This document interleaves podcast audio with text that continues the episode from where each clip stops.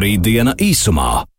Raidījums īstenots ar Eiropas Reģionālās attīstības fonda atbalstu. Tehnoloģijas, nākotne, attīstība un tam visam pa vidu cilvēks. Aktuālākie zinātnīs jaunumi - Rītdiena īsumā. Rītdien īsumā ar Arthuru Bernausku, protams. Sveiks, Artur! Čau, Magnus! Kārtējā pirmdiena, kārtējā reizē jāparunā par, par, par svarīgām un nopietnām lietām. Un vēl šodienas raidījums ir mm, par elpošanas tehnoloģiju un par elpo, elpošanas tehniku un tehnoloģiju. Jā, no redzes, šodien atnācu uz studiju, un pirmais, ko es teicu, oh, cik forši patīkams gaiss šodien. Jā, kondicionēts gaiss, 24 grādu temperatūra šeit tika uzturēta. Un, uh, jā, jā, viss ir izveidināts. Jā. Fantastiski, jā, izveidināts. Un, nu, gaisa ir tā lieta, kas nu, ir vitāli svarīga. Un, ja pēc mums bija raidījums par smadzenēm un treniņu, un smadzenēm gaisa ir vitāli svarīgs vispār visam ķermenim, tāpēc uh, šodien arī būs tāds ziņā arī turpinājums. Tādai, nu, tēmai par nozīmīgām lietām. Un viens no tādiem akcentiem, varbūt, kāpēc gribās aktualizēt tagad šo tēmu, ir tas, ka mm, tautā populāras ierīces, Garmins, Fitbits un arī citas uh, savieno papildus funkcionalitātes jau esošajos, esošajos viedajos pulksteņos. Un, ja kādreiz bija tikai soļi, tad parādījās jau pulsometri un parādījās vēl dažādas funkcijas, tad šobrīd jau parādās papildus funkcionalitātes, kā skābekļa mērīšana asinīs, oksinometrs saucamais un vēl dažādas funkcijas. Un šodien mēs par to arī runāsim. Nu, par elpošanu, par elpošanas tehnikām, to nozīmi treniņiem, kādu nozīmi, ko mēs varam uzlabot, un, protams, tā skaitā arī tehnoloģijas un ierīces, kas to mēra un kā to skatīt. Un šodien mums ir arī uh, viesis, jāsaka, atkal viesis virtuāli šoreiz, uh, Māris Žunda, kurš ir funkcionālās elpošanas treneris un rūtīšanās skolas izveidotājs. Čau, Māri! Čau, čau, čau, čau jā.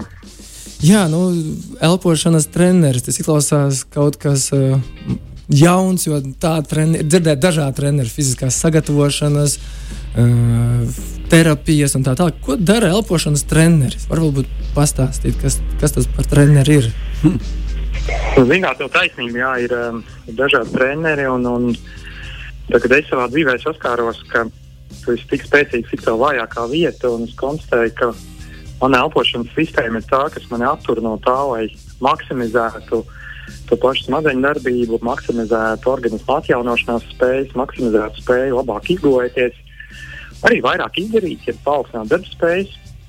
Un um, paveicās pirms um, jau kādiem septiņiem gadiem satikt vienu no tādiem trakiem, trakiem cilvēkiem Nīderlandē, Vimu Hofu, kurš, um, nu, kurš ir vairāk zināms ar augstumu, kā um, teiksim, aizberga redzamā puse visam tam stāstam.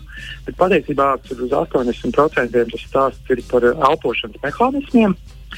Un, ja mēs skatāmies uz elpošanu kā tādu mehānismu, tad bez ēdiena es teiktu, ka cilvēks var izdzīvot nedēļas, uh, bez ūdens tās ir dienas, nu, tad uh, bez gaisa tie ir īsi mirkļi. Tad, uh, zināmie pasaules rekordi ir aptuveni teiksim, 20, 22 minūtes, kur cilvēks apzināti bez gaisa ir. Un, uh, un cits, tas būt bez gaisa arī ir viens no tādiem trenētības kritērijiem, kas parāda, cik optimāli vai efektīvi strādā visa elpošanas sistēma. Un, un elpošanas sistēma tas ir Tad, tā ir fizioloģija, tie ir elpošanas muskuļi, tā ir visa biomehānika, kā tas viss kopā strādā, kā ieelpa, izelpa, kā tas kustībā piedalās. Dažreiz cilvēki var, nezinu, dzīves laikā, principā tās izmaiņas mums ļoti, ļoti notiek. Un, un, un, un, un, un mēs sabojājam tās lietas. Un, un, no manas pieredzes es redzu, ka nu, tur ir daudz, daudz darba. Daudz darba. Tā, arī, tā arī ir uztaps tas stāsts, ko es mācu uh, cilvēkiem, kā funkcionālu elpošanu un uh, mācu dažādus jautājumus, kāpēc ir tās problēmas, kas tad ir tie iemesli nu, un kā to visu uztrenēt. Nu, tā varbūt īsumā. Kāda ir tā elpošanas varbūt, nozīme tam fizioloģijai? Nu, ja neskaidro to, ka nu, tas ir vitāli svarīgs, lai mēs izdzīvotu, bet tajā visā organismā, nu, tu minēji funkcionalitāti. Kas ir tā elpošanas funkcionalitāte organismam? Nu, papildus tam, lai uzturētu pie dzīvības. Uh -huh, uh -huh. Zināt, šī ir vienīgā sistēma, kuru mēs apzināti varam ietekmēt. Tad, tad uh, mēs varam elpot, Mēs varam aizturēt, mēs varam elpot, mēs varam ātrāk elpot, mēs varam lēnāk, mēs varam krūškūru elpot ar vēdergaļu. Mēs varam caur muti, caur degunu elpot, mēs varam šos visus mehānismus kaut kā atgādni vēl miksēt. Nu, funkcija ir nu, vitāla dzīvības svarīga funkcija, kas ir saistīta ar, mm, teiksim tā, bieži vien saka, ka elpošana ir tālvadības pūts mūsu nervu sistēmai. Un veids, kā mēs elpojam, var ietekmēt arī endokrīno sistēmu, jeb, jeb to hormonu kokteili. Elpot um, tādā veidā, ka tas mums rada stresu, un uh, mēs paši nemaz nepamanām, ka mums izveidojās uh, nepareizi stresa paradumi. Uh, tikai tāpēc, vien, ka ja mēs apzināti vai, vai, vai netrenējam elpošanu no tām 25,000 reizēm vidēji, cik cilvēks uzstājas ieelpu izelpu dienā, nu, tad iedomājamies, ka ja kaut kāda daļa atžgārda nepareizi tiek veikta, un ja elpošana ir tā tālvadības pūce, kas padod signālu nervu sistēmai, tad, ja mēs šos mehānismus nezinām, tad sanāk, ka organisms um, pats izdomā, kā nervu sistēmai reaģēt uz kaut kādiem kairinājumiem, piemēram, sēdēšana. Uh, bieži vien var attīstīt uh, krūškuru elpošanu, kas ir viens no tādiem mehānismiem, kas uh, paaugstina stresu un sirdsdarbību. Um, tāpat arī mutes elpošana ir um, tā, uh, asociēta ar paaugstinātu simpātiskās, ja trauksmi radošās nervu sistēmas aktivizēšanu. Un, uh, un tātad ar to elpošanu, nervu sistēmu mēs tāpat varam nonākt līdz mehānismiem, kas uh, ietekmē sirdsdarbību, ja paaugstina um, sitienu skaitu minūtē, pulsu Tāpat mēs varam panākt līdz tam, ka naktī organisms labāk vai sliktāk atjaunojas. Elpošana ļoti cieši saistīta ar to, vai mēs apskābekļojam mazos kapilārus atkarībā no tā, cik reizes minūtē mēs elpojam. Ir tāds termins aktīva elpošana, jeb hiperventilācija, ko mēs bieži vien piedzīvojam tiksim, aktīvās sporta nodarbībās vai mm, skrienot prom no vilka vai lāča, ja tas gadās. Un, un, Un, uh, jā, un tie ir mehānismi, un, uh, un tur ir daudz tādas lietas, kas uh, mēs kaut ko zinām par vēdera elpošanu, diafragmālu elpošanu, kas ir pamatmuskulis, bet uh, visi tie mehānismi var miedarboties un dažādās situācijās tā elpošana vienkārši, ja mēs nezinām, kā apzināti viņu ietekmē, tad organisms pieņem, nu, es teiktu, vismuļķīgāko un visnepareizāko lēmumu bieži vien. Un tas beig beigās rada to, ka mums ir, nu, jau runāt par tādiem Um, ilgtermiņa mērķiem tas var uh, pat um, atsaukties uz paaugstinātu asinsspiedienu. Teiksim, tie mehānismi caur, caur, caur elpošanu var nonākt par uh, uz sliktu uh, smadzeņu darbību, ja pa nakti mēs vienkārši neapskābekļojam smadzenes.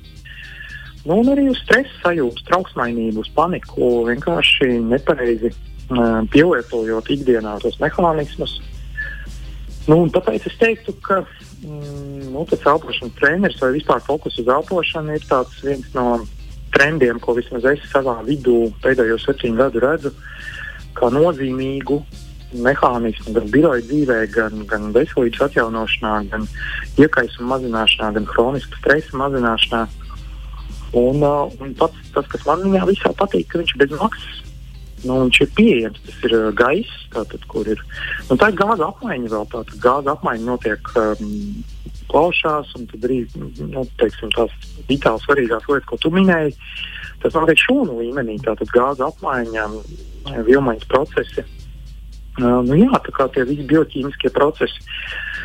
Un mēs to apzināti varam ietekmēt, kā es teicu. Nu, tā, tā var būt īsumā par tādiem mehānismiem. Es, um, nezinu, vai tas atbild uz jautājumu, ko gribēju, bet uh, es mēģināju, varbūt iemest. Jā, tas tā kā vispārīgs ieskats ir labs, bet um, kā tu teiktu, kā mēs varam noteikt, vai, ka mēs pareizi elpojam? Jo, nu, Mēs it kā katrs elpojam, katrs, kas dzīvo, elpo, un noteikti katrs radio klausītājs arī elpo.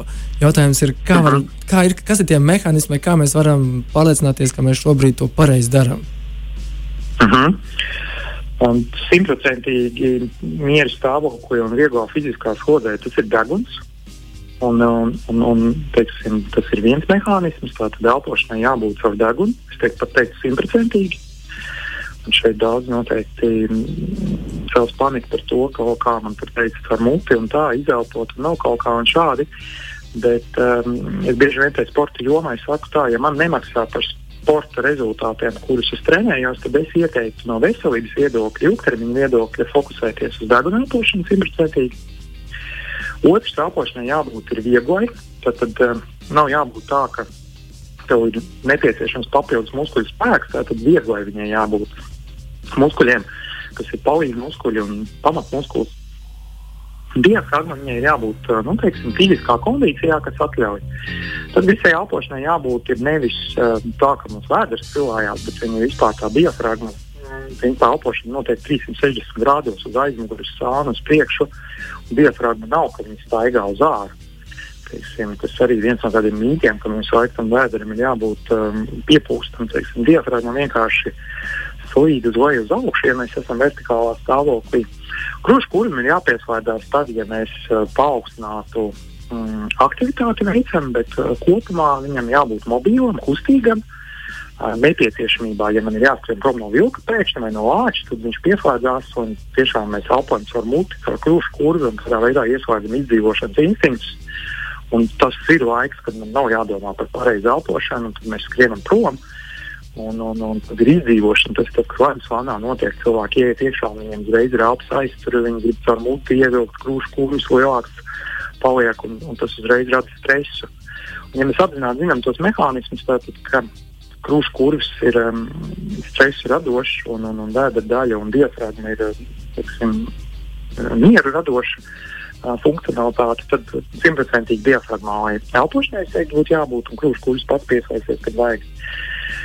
Viņai ir jābūt pūstošai, elpai ir jābūt pūstošai, nav jābūt tādai pretestībai. Tas ir stāsts par to, ka ja arī tagad kāds klausītājs vienkārši pamēģinās aiztaisīt vienu vai otru nāsi, tad rodas jautājums, vai tas nāsis ir vaļā vai ciet.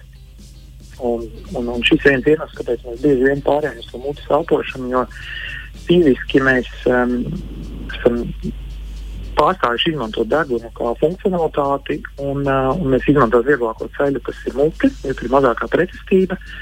Bet no aizsardzības viedokļa mehānisma uh, deguna ir daudz, daudz vērtīgāk uh, no, no imūnsistēmas viedokļa elpot ar degunu, kas ir pirmais aizsardzības mehānisms, uh, kā cīnīties ar vīrusiem, baktērijām un sēņķiem.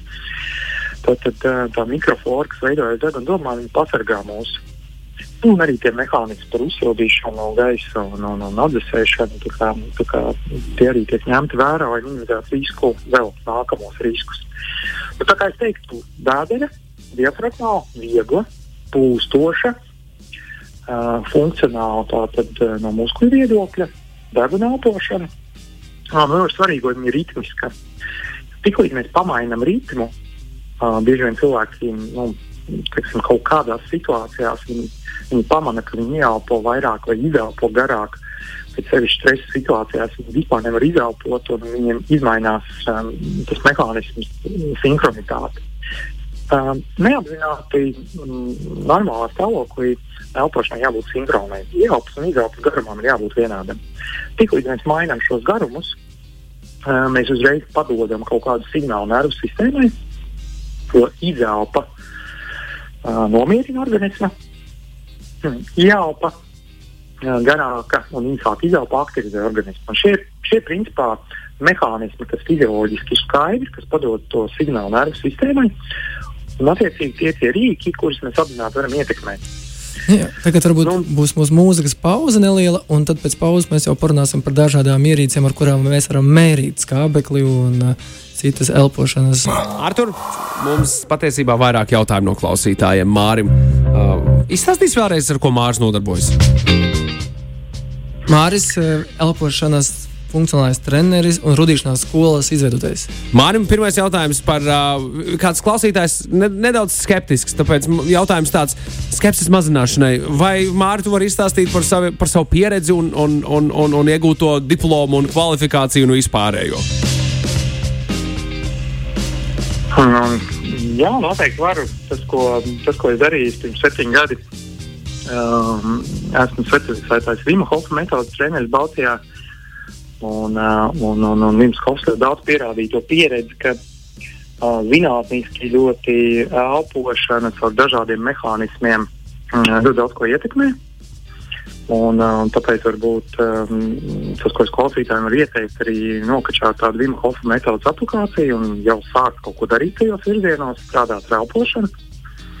Un ir otrs virziens, ir tāds um, uh, oksīģena advantage metodika no īrijas. Un, uh, un, un tie ir mehānismi, kas, uh, kurus arī apgūstu pie tāda Patrika, kas ir um, elpošanas um, arī, teikt, treneris vai cilvēks, kurš um, arī runā par šiem principiem. Un, uh, jā, nu, Latvijā es daudz ko mācījies um, gan fitnes skolā, gan pirts skolā, gan, uh, gan es vairāk eju caur to tādu coaching pieeju. Un, uh, un, un, un jā, tā kā, tā kā ļoti daudz dažādu virzienu. Un vēl viens jautājums uh, no klausītājiem, vai dziedātājiem ir pareiza elpošana? Kā tev, kā tev šķiet? Uh, tur var būt un var arī nebūt atkarīgs uh, no tā. Um, atkal būtu jātestē tas, ko Arthurs arī minēja. Teiksim, um, jātestē. Uh, un tur mums ir gadgeti, var ļoti labi palīdzēt, vai, vai, vai mērierīces, uh, jo var būt rezultāts, ka elpošana, teiksim tā, dziedāšana ir mutes elpošana. Arī daudz lasītu lekcijas ir uh, caur muti.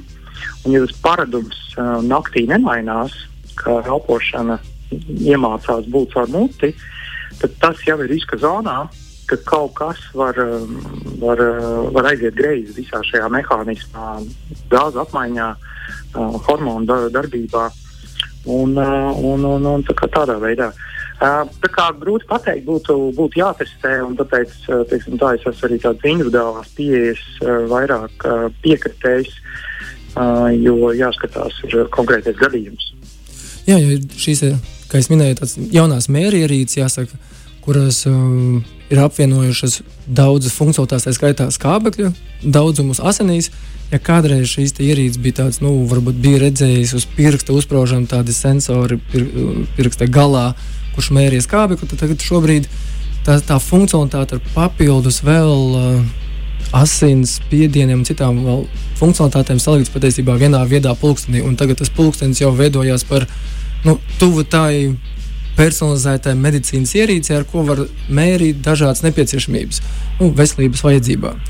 Vai Mārta, tu esi kaut kādus testus veicis kādam, kurš atnāk uz treniņu, nu, nomēra varbūt skābekļa daudzumu, un tad pēc treniņa, kā, kādi ir šie rezultāti? Ir kaut kādi testi veikti tieši ar mērierīcēm? Uh mhm. -huh. Jā, noteikti, noteikti. Tas ir. Uh tas ir objektīvais virziens, kā mēs vispār varam ielikt atzīmi, viens, divi, trīs vai desmit uh, attiecībā uz elpošanu, lai mums vispār nav jāspekulē. Tas strādā, nestrādā. Un, uh, un te ir jānošķir tas, uh, teiksim, ja mēs runājam par gudrām ierīcēm, tad uh, es arvien vairāk priecājos par to, ka viņas kļūst gudrākas un precīzākas. Uh, vēl joprojām nav medicīniskais standarts, kas pasaka, ka teiksim, tā datu ticamība ir uh, kaut kas tāds, ko mēs varam teiksim, medicīnā interpretēt. Uh, bet uh, te ir jāsaprot arī tas, ka, kāpēc mēs par tādām tehnoloģijām runājam. Viņas kļūst pieejamākas, tāpēc ka viņas tiešām kļūst precīzākas. Ja mums ir vairāk dati, teiksim, mēs pats uz sevis esam vācis datus ar gudro gradzenu aptuveni divus gadus, kur uh, rezultātā tu iemācies to, ka tu kaut kādu korelāciju starp aktivitātēm uh, savā dzīvē saproti, kā tas rezultējās. Uh, gudriem gradzenam nav skābekļa teiksim, piesātinājuma mērījums asinīs. Bet es biju pagājušajā rudenī testējis Garmīnu pulksteņus, un, un man ļoti, ļoti patika precizitāte, un, un, un man patika tie rezultāti, kurus es varēju kaut kādā mērā interpretēt, saliekot kopā arī visus pārējos rādītājus. Problēma ar vienu rādītāju ir tāda, ka viņi kaut kā korelācijā jāskatās. Bieži vien skābekļa piesātinājums asinīs, um, uz ko es bieži vien skatos blakus, ir elpu skaits minūtē. Uh, un tas, ko es vēl skatos, ir uh, sirdsdarbība uh, pulsa uh, sitienu minūtē. Un, un šie trīs rādītāji, uh, piemēram, naktī vai sporta nodarbību laikā, vai, vai miera stāvoklī, ja mums ir vairāk tie dati, mēs varam jau uzreiz kaut kādā veidā identificēt. Piemēram, um, ja um, naktī ir pīķi ar skābekļa piesātinājumu, um, piesātinājumu asinīs, un tie pīķi atkārtojas, tad uh, es teiktu, ka tas jau ir viens no tādiem riskiem, ka naktī notiek uh, miega apmaiņa, kas ir uh, neapzināta elpas aiztura. Un, uh, un šī neapzināta elpas aiztura uh, viņa, viņa pau, pazemina uh, skābekļa apjomu asinīs. Un to mēs ļoti labi rādījumos redzam. Bet uh, tad, kad mēs sākam elpot, tāpu skaits minūtē būs liels, jo mums vajag attelpoties. Un, ja mēs redzam šos pīķus, un tāpat arī pīķi, kad mēs izējām no miega apmaiņas, sirdsdarbībai arī jāiet uz augšu, jo kaut kādā brīdī organismam ir stress, uh, skābekļa bats un uh, sirdsdarbība kā atgriezniskā saite iet uz augšu. Attiecīgi, ja mēs regulāri pamanām šādas lietas, tad šī gudrā ierīce var, uh, nu, es teiktu, ka preventīvi jau norādīt uz risku par uh, miega ja miega traucējumiem. Protams, ja mēs paņemam no ierīci un mums ir šņākšana, krāpšana un fizioloģiski kakla izliekums, jeb zosu kakls mums ir un, un um, iespējams paradums gulēt uz muguras, um, bīdīties, kas arī, teiksim, muguras gulēšana arī bieži vien attīsta uh, miega apnoju un, un vēl pastiprina kaut kādus riskus uh, tieši nekontrolētajā apsaisturē naktī. Uh, Uh, mēs jau pēc novērojumiem arī varam šņākšanu, krāpšanu novērot šo visu, bet uh, saliekot kopā teiksim, novērojumus ar ierīci, nu, principā es redzu, ka tas ir tas, kas man patīk tajās veselības tehnoloģijās, ka mēs jau varam preventīvi. Nu, es teiktu, jau minimizēt riskus, uh, iet uz uh, medicīniskām iekārtām, kur, uh, kur ar daudz lielāku precizitāti piesprādījis visādus um, sensorus un, un daudz precīzāk uh, noteiks, kas tas tieši ir. Ja, ja gudrās ierīces parāda dinamiku un, un, un tie dati uzlabojas, tad uh, nu, tā, tas ir tāds. Um, tas ir tas, kā es redzu to pielietojumu šobrīd, um, un saistībā arī ar miegu. Tāpat arī fiziskajā slodzē mēs varam izmantot pulksteni, uh, stundas treniņam vienkārši paskatīties. Jo, ja mūsu apskaits minūtē arī būs mazāk, tad um, vien jau parādīs, ka mēs esam efektīvāki uh, uz to, ka mēs varam pielāgoties skābekļa badam. Un, un, jo mēs augstāk izturam skābekļa badu, jo mums ir vairāk fiziskās sodas un, un atjaunošanās procesi un, un labāka apskābekļošana uh, tieši perifērijā un arī smadzenēs un, un, un, un uh, kājās un, un kapilāros. Un, iekšējos valdos.